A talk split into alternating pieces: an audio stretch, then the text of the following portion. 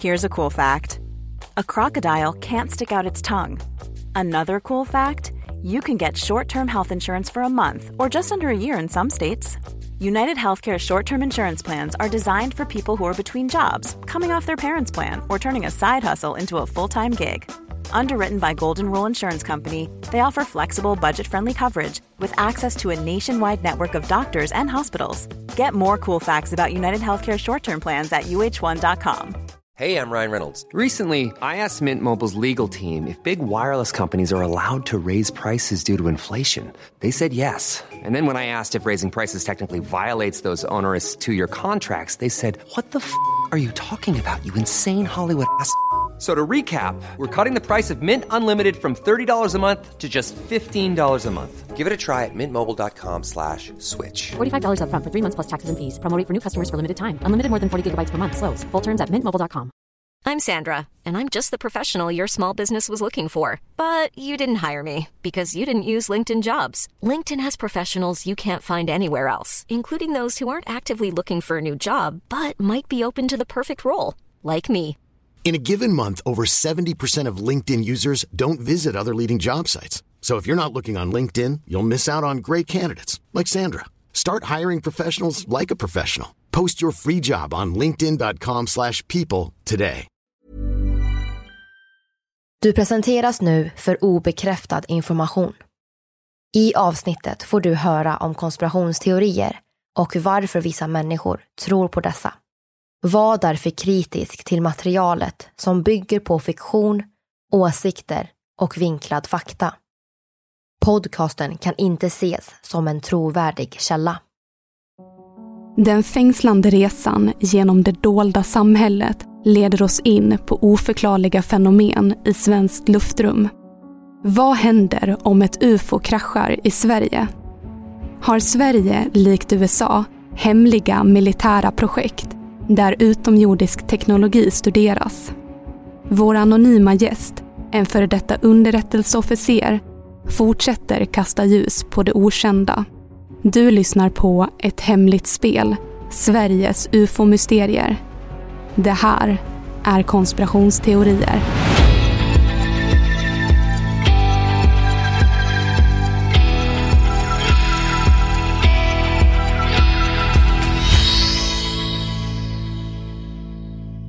Hej och varmt välkomna till konspirationsteorier. Vi heter Vivi och Aida och idag ska vi återigen dyka ner i den verklighet som vanligtvis förblir dold för oss vanliga medborgare. Och vi har såklart med oss förra avsnittets gäst som är mycket insatt i underrättelseverksamheten. Så vi vill återigen säga hej och varmt välkommen till konspirationsteorier. Tack igen för att vara med igen, det är jätteroligt. Och som ni lyssnare vet så pratar vi väldigt mycket om utomjordingar i vår podd. Men något som vi faktiskt inte har diskuterat så mycket är UFOs, eller UAPs som det heter idag, i Sverige. Mm. så jag vill faktiskt börja med att fråga dig, vad är dina tankar om utomjordingar? Jag skulle bli paff och väldigt besviken om vi var de enda som fanns i universum. Mm, det känns väldigt osannolikt att vi är de enda som finns med intelligent liv med tanke på hur stort universum är.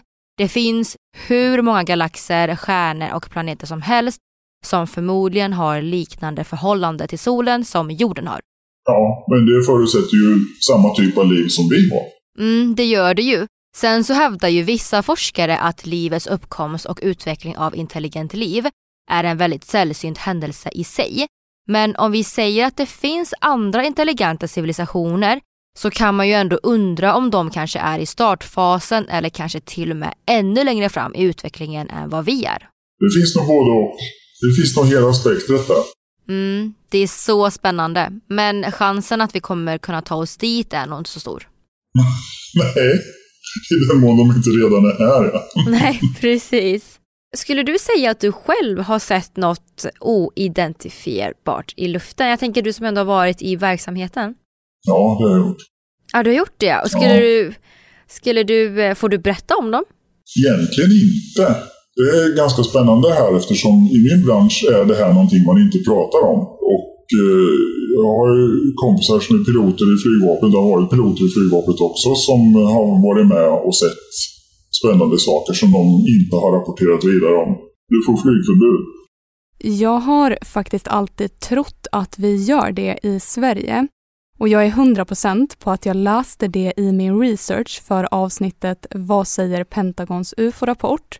Att piloter då rapporterar ofta om annorlunda fenomen eller ovanliga observationer som de gör i luften.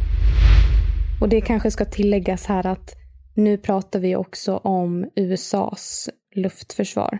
Så det alltså betyder ju inte att det funkar så i något annat land. Och jag, vad jag har läst och vad jag förstår så funkar det inte alls så i Sverige, utan här liksom rapporteras det om, jag tror inte ens att det dyker upp något underligt här, men att här är det inte så. Det är väldigt intressant att höra från dig nu att man inte pratar om det. För jag och Aida har ju pratat i vårt avsnitt om, eh, om den här nya visselblåsaren till exempel. Att eh, det finns en stigma när det kommer till piloter, i USA i alla fall. Mm. Ja, det är likadant i Sverige. Jag tror att det är likadant i alla länder. Ja, det är ju jättedåligt, för vad är syftet i så fall med yrket om man inte vågar rapportera det man ser? Ja, jag tror att det, det skulle man kunna prata om i flera timmar om vad syftet är. Vad skulle du säga att det officiella syftet är då? Jag tror inte det finns något officiellt syfte, men jag tror inte att man vill att eh, det här ska diskuteras överhuvudtaget för att det är så ogreppbart. Och du har ju själv sagt då att du har sett något oidentifierbart. Mm. Hur länge sedan skulle du säga att det var att du såg det? Och det är nog 30 år sedan. Är det bara vid ett tillfälle eller har det varit vid flera tillfällen? Ja, jag har bara sett det vid ett tillfälle. Ah, okay. Var det i Sverige? Nej, det var det inte. Och du får inte berätta vart det var? Nej. Hur var upplevelsen då? Mäktig. Assa? Ja. Kan du beskriva vad det var du såg? Det var en farkost som var upplyst av en massa ljus. var ju ställt utom allt tvivel. Och jag är tillräckligt utbildad för att se skillnad på olika typer av flygfarkoster. Det här var inte något, något sånt. Ja, inget som du kunde känna igen i alla fall? Nej, nej, nej, just nej. Hur stor var den då? Jättestor och alldeles tyst. Oj! Okej. Okay. Och det existerar liksom inte inom teknikens värld vad du vet? Nej, jag har inte gjort det sedan dess heller. Så. På ett ungefär hur stort? Alltså kan du sätta någonting i jämförelse? Det är svårt att säga eftersom jag inte vet hur högt upp det var. Eh, men eh, väldigt stort i alla fall upplevdes det som. Superintressant. Hur gick dina tankar när du såg det här objektet? Äntligen! Asså, det var så? Äntligen får man se det själv med egna ögon, inte bara höra det berättas om. Du som ändå har sett någonting så stort och eh, som du inte ens kan förklara själv exakt vad det skulle kunna vara. Skulle du säga att man blir mer benägen till att tro att det finns andra utomjordiska civilisationer? Nej, man slutar att tro och börjar veta. Okej, det, detta inträffade för 30 år sedan. Ja. Hur har dina tankar varit då under de senaste 30 åren kring allt som har pratats om ufos?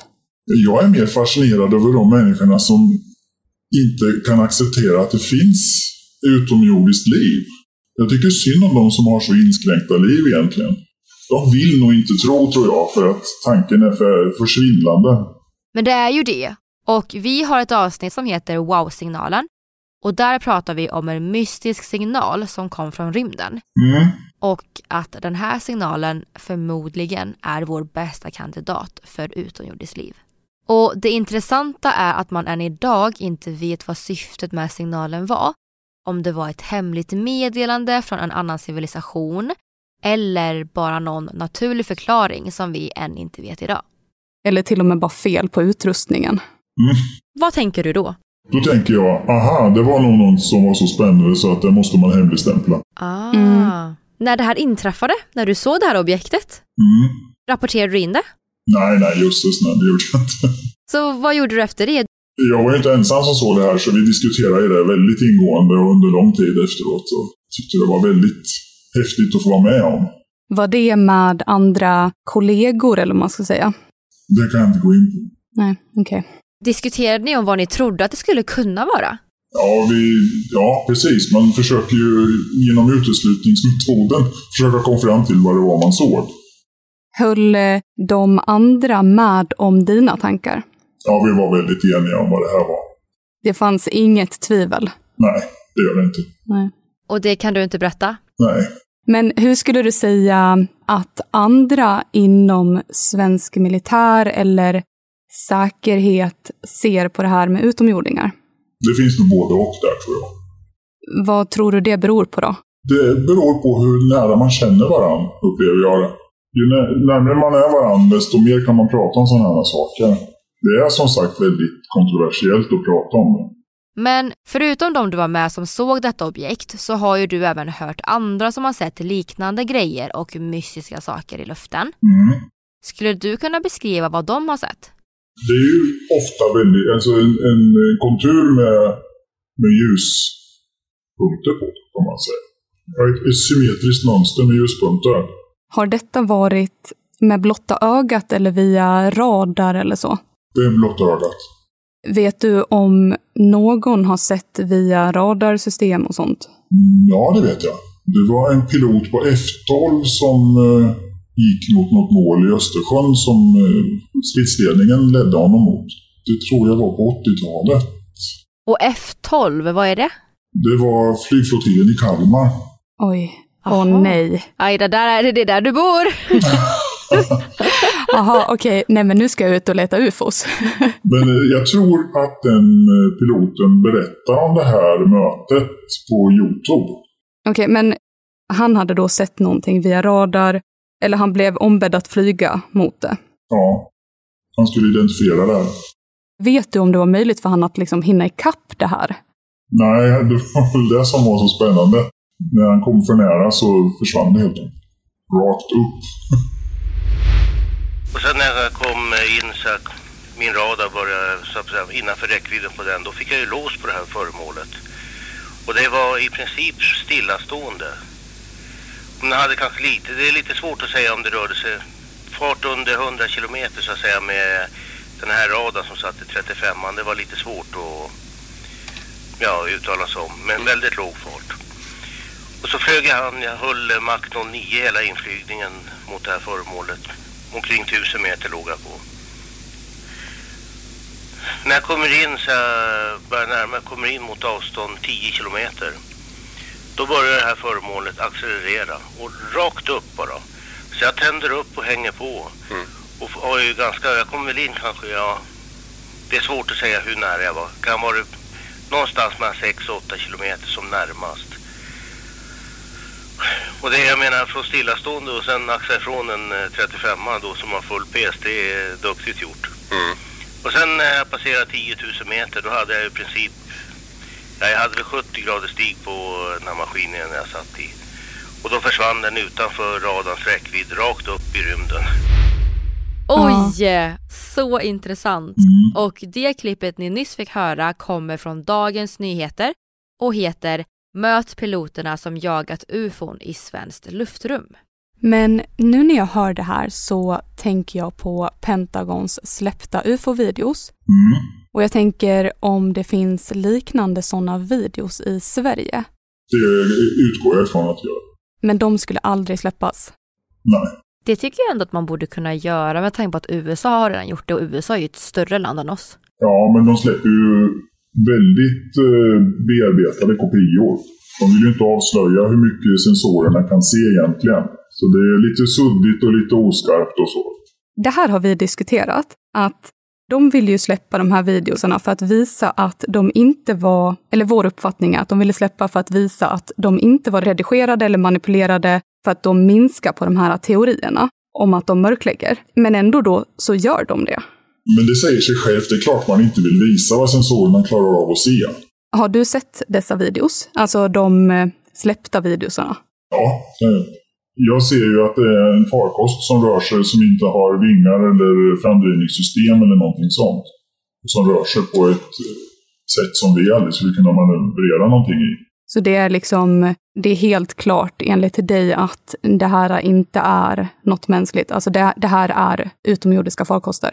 Ja, om man vänder på tanken och tänker att det här är militär teknologi som testas så eh, testar man inte den här typen av eller man utför inte den här typen av verksamhet i närheten av amerikanska stridsfartyg. Utan man testar det någonstans där man är 100% säker på att få i fred. Och absolut inte bli nedskjuten om någon skulle bli nervös. Så det innebär ju att med uteslutningsmetoden så är det ju i alla fall inte något sånt.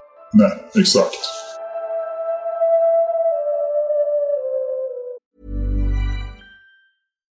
Here's a cool fact a crocodile can't stick out its tongue. Another cool fact you can get short term health insurance for a month or just under a year in some states. United Healthcare short term insurance plans are designed for people who are between jobs, coming off their parents' plan, or turning a side hustle into a full time gig. Underwritten by Golden Rule Insurance Company, they offer flexible, budget friendly coverage with access to a nationwide network of doctors and hospitals. Get more cool facts about United Healthcare short term plans at uh1.com. If you thought the only way to get a more defined jawline with natural looking results was through surgery, think again. Juvederm Volux XC is a non surgical injectable gel filler that improves moderate to severe loss of jawline definition and can help you achieve natural looking results with little downtime. Even better, this improved definition lasts up to one year with optimal treatment. No maintenance required. Improve jawline definition for a smooth, sculpted look with Juvederm Volux XC. For important safety information and to find a licensed specialist, visit juvederm.com. That's J U V E D E R M.com. Not for people with severe allergic reactions, allergies to lidocaine, or the proteins used in Juvederm. Common side effects include injection site redness, swelling, pain, tenderness, firmness, lumps, bumps, bruising, discoloration, or itching. There's a risk of unintentional injection into a blood vessel, which can cause vision abnormalities, blindness, stroke, temporary scabs, or scarring. Talk to a licensed specialist to find out if it's right for you. Burrow is a furniture company known for timeless design and thoughtful construction and free shipping, and that extends to their outdoor collection. Their outdoor furniture is built to withstand the elements, featuring rust-proof stainless steel hardware, weather-ready teak, and quick-dry foam cushions. For Memorial Day, get 15% off your Burrow purchase at burrow.com slash ACAST and up to 25% off outdoor. That's up to 25% off outdoor furniture at burrow.com slash ACAST.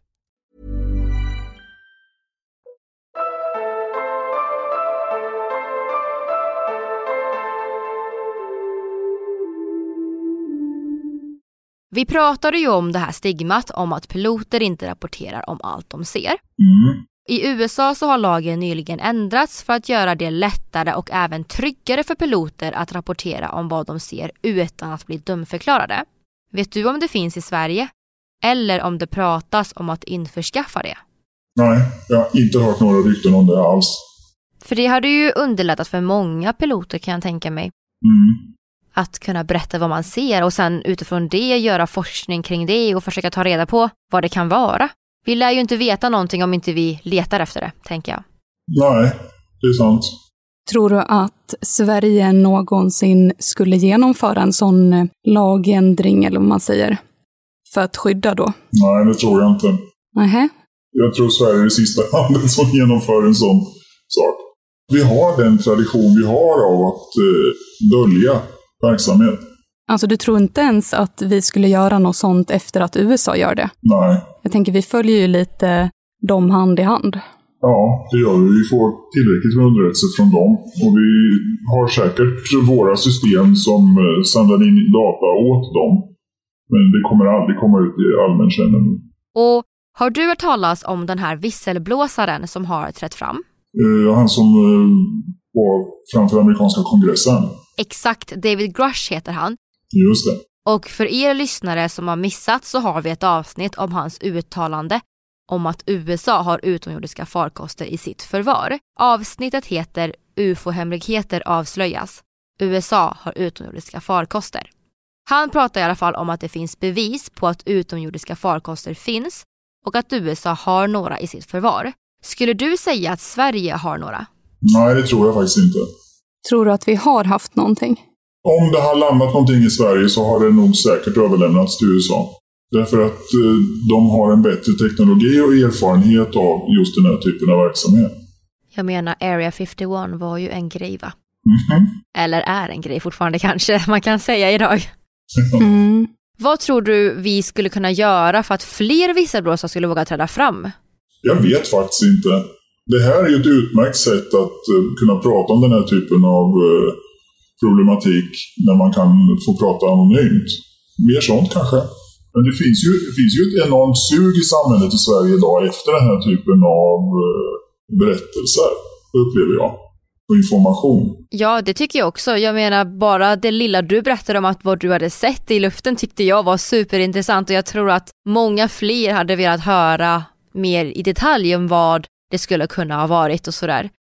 Det kanske också skulle göra så att fler som har observerat vågar säga det och att det här stigmat försvinner. Ja, precis. Tror du att någon som du vet om som har sett någonting, skulle den våga säga någonting? Det beror lite grann på vilken sits de sitter i eh, avtalsmässigt, men både ja och nej. Och du vet inga som har sett någonting som skulle få prata om det fritt? Jag vet ju många piloter som har sett, men frågan är om de vill prata. Men de är ju inte belagda med någon form av sekretessavtal eller så. Varför skulle du säga att vi ser så få visselblåsare i just Sverige? Har vi ens haft några visselblåsare? Det är att de blir förlöjligade och eh, så på nolltid. Det finns väl jättemånga visselblåsare. Jag kommer inte ihåg vad han heter, han som gräver i Estonia-haveriet till exempel. Han, eh, han går ju, för att citera Palmeutredningen, han går inte att komma runt. Hans slutsatser kring Estonia är så pass intressanta att eh, det ställer hela den officiella bilden på ända. Och ändå väljer haverikommissionen till exempel att inte utreda vissa spår som han kommer fram till. Det tycker jag är så intressant. Ja, det är det. Det är ju också lite märkligt, tycker jag. För det blir ett sånt kortsiktigt tänk. För att om det skulle vara så att eh, de här utomjordingarna är här och vill förgöra oss, då förlorar ju vi ändå på att vi inte berättar om det. Ja, det är också bara här och ser att deras skapelse funkar. Att vi som ras funkar. Ja, om vi tänker att de har skapat oss människor. Precis. Men det vet ju inte vi. Nej, det vet vi inte. Om man tänker i de banorna, då förstår jag också varför man inte vill eh, komma ut med den här typen av uppgifter, för då faller ju världsreligionerna. Alla sådana här äh, domedagsfilmer, där vet ju någon grupp människor om att så här, äh, jorden kommer gå under. Men de berättar ju ingenting förrän typ den dagen. Då är det lite för sent oftast i filmen. Ja. Vet du om det finns hemliga projekt eller militära operationer i Sverige där man studerar utomjordiska farkoster, som i USA? Jag har inte hört några rykten i de vägarna heller. Och hade jag gjort det hade jag inte berättat det här heller. Vi har gjort ett avsnitt om ett objekt i Östersjön och det heter UFOt i Östersjön. Mm. Det objektet ligger då på havsbotten. Mm. Har du hört talas om det? Ja, ja. Får du prata om vad det är? Det här är ett föremål som jag vet att Försvarsmakten har varit och tittat på. Och eh, jag vet att man bedömer det som eh, en stenformation. Och eh, alltså det är inget flygande tefat eller något sånt. Utan att det här är någonting som har funnits på botten där i minst 12 000 år. Det vet jag. Jag tror inte att det är ett UFO. Däremot så tror jag att det är någonting som hör till en tidigare civilisation på, på jorden. Och att det förmodligen hade någon form av funktion förr i tiden, för när vi pratade om det här så ser det ut som att det hade en funktion. Ja, exakt. Och jag har pratat med dem som eh, har varit och dykt där, som upptäckte den. Och deras elektroniska system uppträder ju helt galet på den här platsen. Men vad kan det bero på då? då? Ja, det är en bra fråga. Det är någon form av teknologi där som vi inte riktigt förstår. Men att det i så fall lär det ju vara en mänsklig teknologi. Fast det är ju väldigt mycket vi inte vet om vår historia ändå. Det är ju väldigt mycket information som har försvunnit. Ja, det är det. Och som man väljer att eh, hemlighålla. Det skulle ju kunna vara utomjordisk teknologi, bara att det inte är en farkost. Ja, det kan det också vara. Den finns ju där på botten. Och eh, den är ju lätt att undersöka men ändå väljer man att inte göra det. Man konstaterar att den är väldigt lika gammal som Göbekli Tepe egentligen i Turkiet. Och eh, det strider ju också mot eh, historieskrivningen att man kan göra så komplicerade byggnationer med en sån lågstående civilisation som fanns då. Så de var nog inte så lågstående. Man vet också att det inträffade en, eh, en eh, världskatastrof i den där tidsperioden. någon komet som slog ner i, i istäcket i Kanada. Som fick eh, allt det där att smälta och ge sig iväg som en stormvåg över världen. Så det är inte alls omöjligt att det har funnits högstående civilisationer före oss. Nej, det är ju många avsnitt som vi har tittat på där man alltid återkommer till syndafloden. Eller en stor katastrof. Mm, precis. Det känns ju bara som att det är olika berättelser på en och samma sak. Ja, och den är ju likartad och samstämmig över hela världen egentligen. Man kan ju också se geologiska spår efter den, så att det, är ju, det ska inte vara så svårt att acceptera att det är så det kan ha hänt. Nej, ändå så är min upplevelse att den, den går inte att rubba. Ja, precis. Och nu när vi är inne på forna civilisationer så börjar jag tänka på pyramiderna. Och i ett av våra bonusavsnitt som vi släppte i höstas så pratar vi om en ny upptäckt som potentiellt kan förklara hur pyramiderna byggdes. Mm. Jag hoppas ju att det innehåller någon form av arkiv.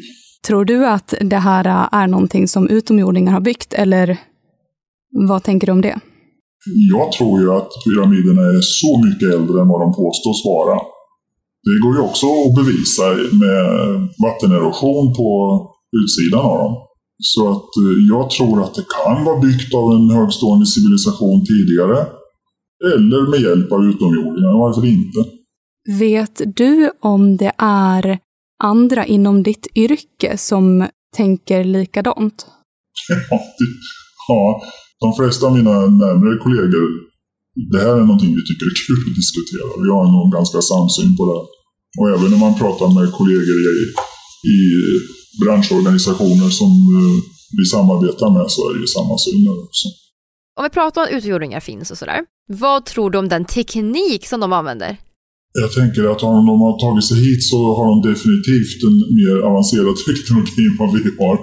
Jag tycker mänskligheten har misslyckats med sin utveckling.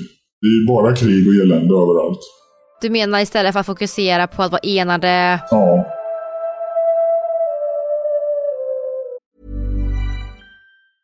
Planning for your next trip? Elevate your travel style with Quince. Quince has all the jet setting essentials you'll want for your next getaway, like European linen, premium luggage options, buttery soft Italian leather bags, and so much more. And is all priced at 50 to 80% less than similar brands. Plus, Quince only works with factories that use safe and ethical manufacturing practices. Pack your bags with high-quality essentials you'll be wearing for vacations to come with Quince. Go to quince.com/pack for free shipping and 365-day returns.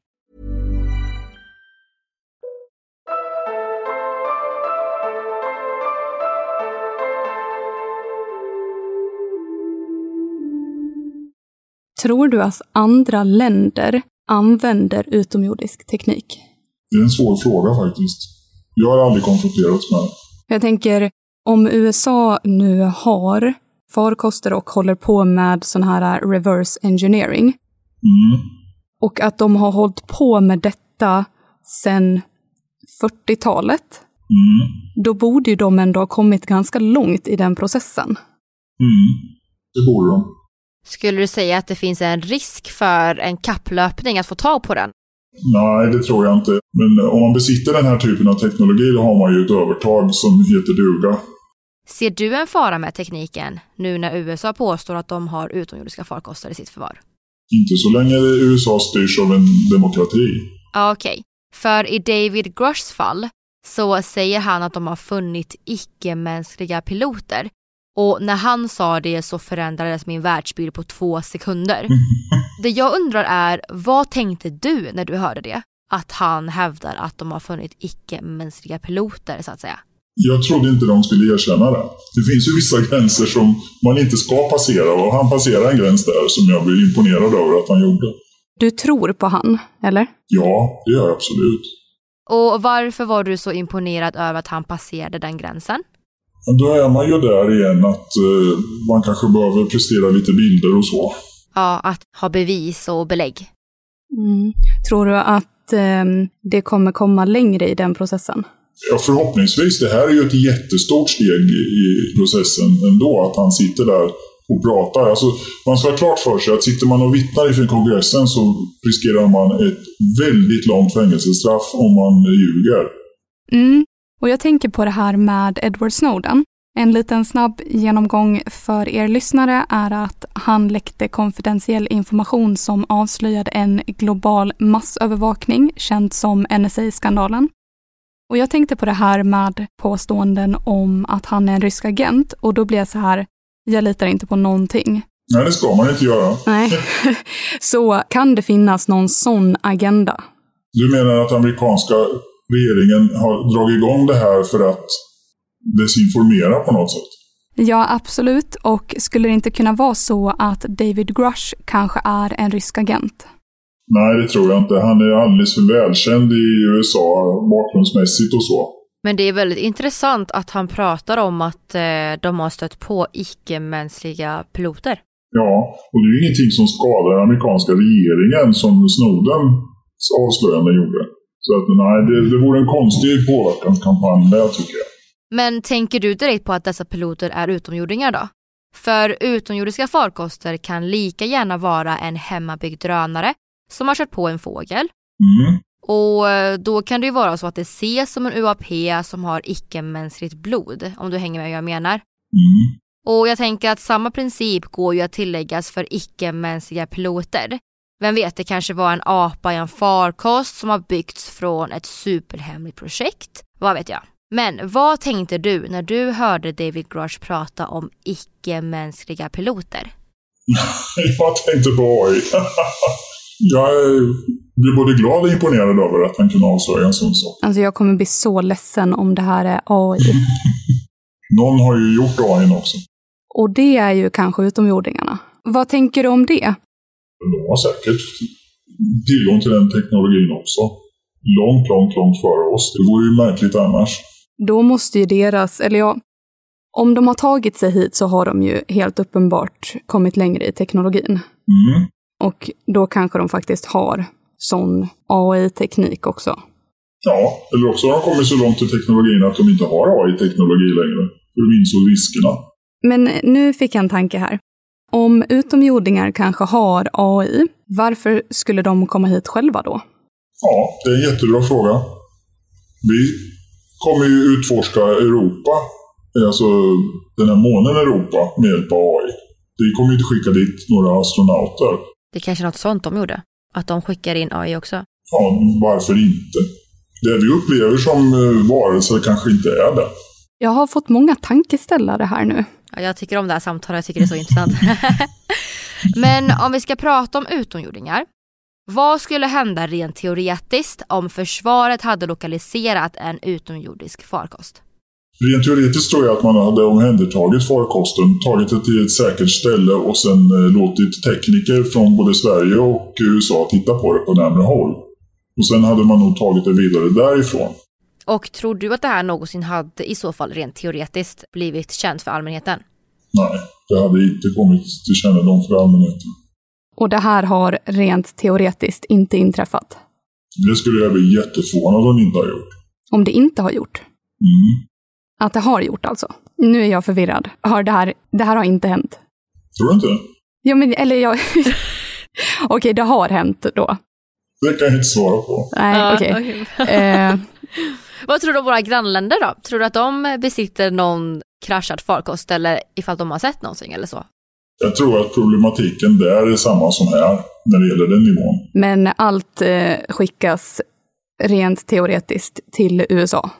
Ja, efter att ha gjort de första undersökningarna på plats, ja. Det tror jag. De har budget, de har organisation, de har möjlighet att hemlighålla på ett helt annat sätt än vad vi har. Är det här någonting som våra politiker får veta? Nej, det får de inte. Det här är alltså topphemligt?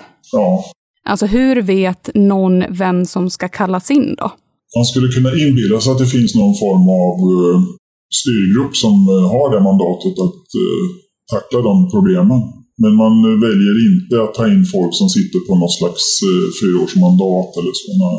För det kan jag förstå att, att det blir korkat i och med att det blir ju också då väldigt många människor som får veta. Men jag tänker om det skulle upptäckas en farkost här i Kalmar, alltså då kommer militären in. Mm. Hur vet de vem de ska kontakta utan att det här liksom sprids så att folk får veta det? Du menar att om ett, ett eh, UFO kraschar utanför Kalmar, vad som händer rent praktiskt? Ja, men ja, det här kanske inte är någonting folk vet om då. Det kanske måste ha legat ett tag, jag vet inte. Det är hemligt i alla fall. Ja, från upptäckt så spärrar man ju av området. Och sen kallar man det för någonting. Typ att det finns afrikansk svinpest här. Så här måste vi stängsla av. Okej, då har det alltså hittats någonting nytt nyligen då? Det vet jag inget om. För det är ju ett område som har spärrats av jättestort nyss ju. Alltså man måste begränsa allmänhetens tillträde till den plats där man har gjort ett fynd. Och det kan man inte göra genom att säga att det vad de facto har hänt, utan det måste man ha något bra att skylla på. När man väl har upprättat den här avspärrningen, då är det lättare att agera och tra- transportera bort och så vidare. Och sen kan man häva den där avspärrningen i lugn och ro sen. Alltså, jag blir ju sjukt nyfiken om det här äh, med eh, svinpesten. Det var ett exempel. Ja, men eh, det är ändå ett väldigt intressant exempel. Mm. Tror du att det skulle kunna vara ett UFO? Ingenting förvånar mig. Det svaret säger ganska mycket att ingenting förvånar dig för att då har du sett tillräckligt mycket tänker jag. Intressant. Vi pratade ju lite om våra grannländer förut, om de besitter någon utomjordisk teknologi eller vad som rent teoretiskt hade kunnat hända. Och när jag tänker på grannländer så tänker jag på Norge. Vad har du hört om Hästdalen och skulle du kunna beskriva Hästdalen för våra lyssnare? Det är en dalgång som, eh, som finns i Norge, ganska nära den svenska gränsen, där det förekommer väldigt mycket konstiga fenomen på himlen nattetid. Nu har jag hört ryktesvägen att det finns en norsk eh, motsvarighet till eh, Area 51 där. Att de har en forskningsanläggning där. Men jag är inte riktigt, jag har inte fått det bekräftat, jag har bara hört rykten. Och det ställer ju hela den här observationsdelen på högkant tycker jag. I sådana fall så kanske det är de som gör, utför någon form av experiment som framkallar den här typen av fenomen. Då är det ju människor som gör det. Men att de kanske då undersöker. Ja, men något gör i sådana fall. Om, de, om det nu är så att det finns en sån anläggning. Det området, är det omgivet av berg eller? Det är oklart, jag vet som sagt inte vad det är. Utan det man har gjort de här observationerna ifrån, det är ju en dalgång. Men vad som finns på andra sidan bergen vet inte jag. Ja, jag tänker att eh, nu är man ju väldigt inne på det här uh, ufo-spåret. Men det finns ju mycket annat också som diskuteras. Tidsresor och ja, kanske andra varelser överlag. Det kanske är sånt också. Vi lär aldrig få veta vad det är. Men det vore kul att se det. Det vore väldigt kul och vi kommer i alla fall inte få veta det i vår livstid kan jag nog eh, i alla. Säg inte det. Det finns ju ändå, alltså för att jag lyssnade igenom något gammalt avsnitt Vivi. Och det är så roligt för att det finns liksom inspelat när du och jag säger att vi kommer aldrig få veta det här. Och nu så sitter vi typ här och vi kanske faktiskt får veta det här. Ja, så är det ju. Ja, precis. Men de kan ju inte utesluta det heller för vi kan ju inte bevisa att det inte finns utomjordiskt liv än. Eller jag tror inte vi någonsin kommer kunna bevisa det för att universum är så himla stort. Så att den kategorin finns ju bara med där för att vi kan inte utesluta det. Ja okej, ja jag hör att vi har sagt det eller att jag har sagt det. Det var roligt. Superintressant att eh, vi har pratat om det och sen så, eh, som du säger nu, så bevisas, eller ja, påstås det i alla fall, att det bevisas saker. Ja, det är lite roligt att man får följa med i vår utveckling här under poddens gång. För när vi gjorde avsnittet med Pentagons ufo-rapport så var utomjordingar fortfarande ganska otroligt och det här var ju 2021. Och det är inte så länge sedan egentligen, men ändå så är det så mycket som har förändrats. Ja exakt och eh, det är ju både teorier som avfärdas och även teorier som bekräftas. Och jag menar som vi pratade om, vi trodde ju aldrig att vi skulle få reda på det här men titta idag, titta nu. Mm. Men då har jag en fråga till dig, vår gäst, och det är, skulle du säga att allt det här med att utomjordingar blossar upp är för att rikta uppmärksamheten bort från det som verkligen försiggår? Nej, det kan jag nog inte göra mer än att Det är svårare att hålla information dold idag. Jag tror nog de skulle vara glada för att kunna rikta uppmärksamheten bort från det här. Ja, du tänker så. Alltså det är många av våra poddlyssnare som har den tanken att det är någonting annat som försiggår. Typ havet, att det skulle vara någonting där. I och med att eh, vi studerar rymden något kopiöst. Och det pratas om eh, att vi ska bo på Mars och grejer. Och att det då är någonting med att så här, vi måste lämna. För att det finns någonting i våra hav. Ja, men att det inte pratas om. Precis, inte vill att vi ska veta. Mm. Sen finns det ju andra som tror att det kommer att ske en ytterligare, alltså en till ekonomisk kris och att de inte vill att befolkningen ska få panik eller ja, bli orolig över det. Men vad är dina tankar då om sådana här personer som exempelvis Bob Lazar? För jag tänker, han och det finns ju fler exempel, har ju ändå påstått något sånt här hela tiden. Mm. Jag tror ju Bob Lazar är en jättefejk.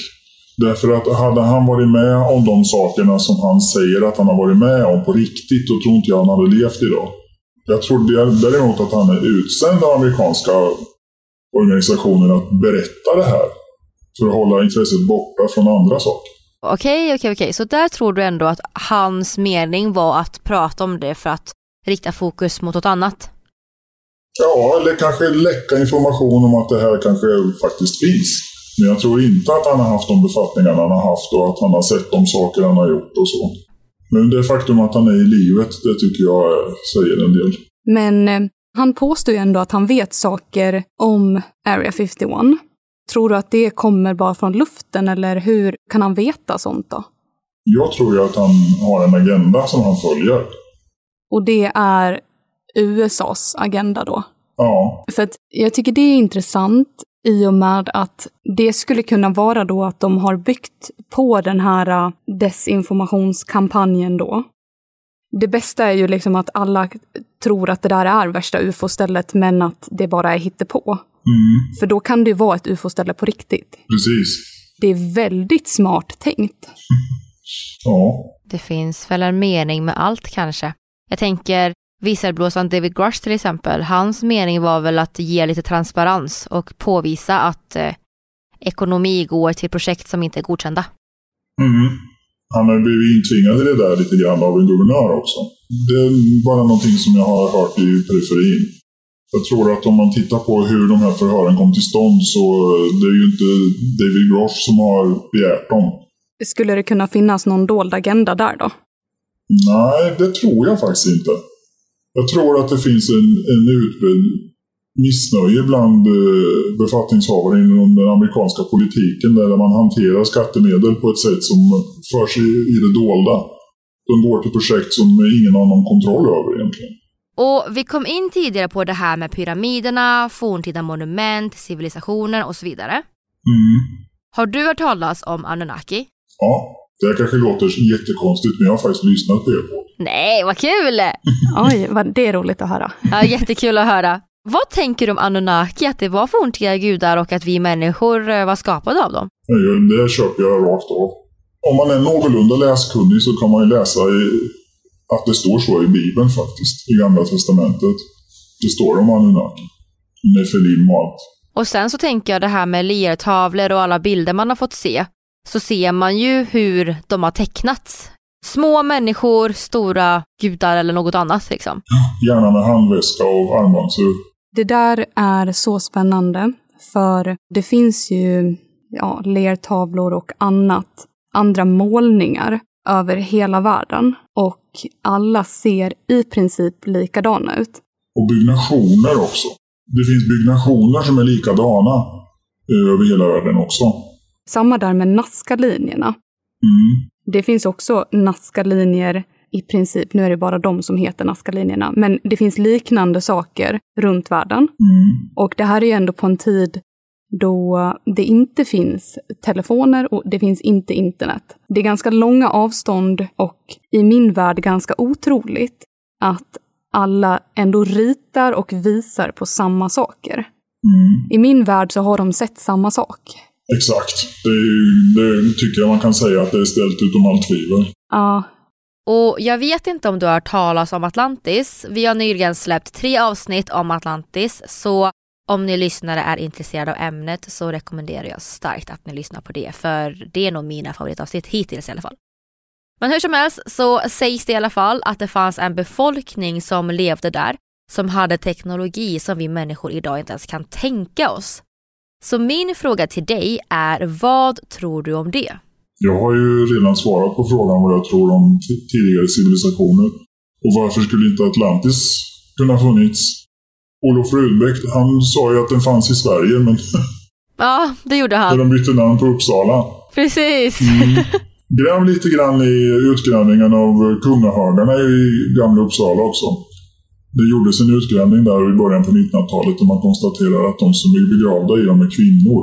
Mm -hmm. Men guiderna idag säger fortfarande kungahagar. Är det kopplat till eh, Rudbeck? Förmodligen. Han eh, lät ju skriva om svensk historia för att det skulle passa. Han bytte ju namn på Uppsala. Det hette ju Österås innan, eller Östra Om man tittar på gamla danska kartor över Sverige så ligger Uppsala i Västergötland. Det finns inte en tillstymmelse till något Uppsala i, i, där det ligger idag. Det är väldigt spännande. Men har du någon tanke om vart du tror att ett potentiellt Atlantis har legat någonstans? Ja, jag har kollegor som är helt övertygade om att den ligger i eh, Mauritanien. Saharas öga? Ja, precis. Och det är väl någonting som är ganska troligt. Jag har varit på den platsen faktiskt. Asså. Oj, spännande. Du måste berätta nu. Ja. Nej. Okej, du, du får inte berätta. Men jag, jag har varit där. Det ser verkligen inte klokt ut och uh, jag har ju inte gjort några utgrävningar på platsen men det där är ju ingen naturlig formation så långt kan man ju säga. Du tror inte att det är vinderosion? Nej, det tror jag inte. Det, det var ju ett stort vattensystem som gick där förr i tiden. Sahara har ju inte alltid bestått av sand precis. Det är lite svårt att åka till den här platsen och göra utgrävningar eftersom det ser ut som det gör i de här trakterna. Men det är tråkigt? Ja, det är jättetråkigt. det vore, det vore roligt att göra en utgrävning där om någon kunde få för sig Ja, nej men verkligen. Och det hade varit otroligt intressant att veta mer om platsen och om Atlantis potentiellt låg där. Ja, och som du sa Vivi så har vi precis släppt flera avsnitt om Atlantis och specifikt ett som handlar enbart om Saharas öga. Så om ni lyssnare tycker att det är intressant så gå in och lyssna på det nu. Och jag kan också passa på att säga att ni jättegärna får lämna ett betyg och en kommentar, för det hjälper oss otroligt mycket. Ja, och det är någonting som vi verkligen uppskattar så oerhört mycket. Men hörni, det här var alla frågor vi hade för det här avsnittet, så vi vill först och främst tacka vår gäst. För nu är världsbilden upp och ner igen. Mm, japp. Och nästa fredag den 15 december släpper vi ett till avsnitt av konspirationsteorier. Så glöm inte att prenumerera på podden så att ni inte missar detta. Om ni tycker om podden så får ni jättegärna ge oss ett betyg och en recension för att stötta oss. Vi har även hoppat på TikTok-trenden nu så att ni får gärna följa oss där. Vi heter Vivi och Aida där Vivi stavas V-I-V-I. Ni kan även söka på konspirationsteorier så tror jag att vi kommer att komma upp där.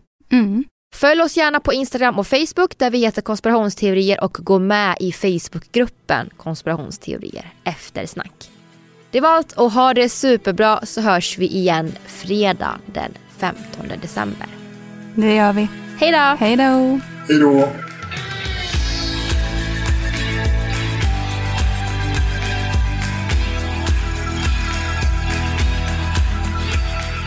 Du har lyssnat på Konspirationsteorier, en produktion av We Tell Stories. Programmet gjordes vintern 2023. Vi som har gjort programmet heter Vivian Lee och Aida Engvall. Källorna till dagens avsnitt hittar du via våra sociala medier, konspirationsteorier på Facebook och Instagram. Där kan du även lämna tips och önskemål på teorier som du vill höra i podden.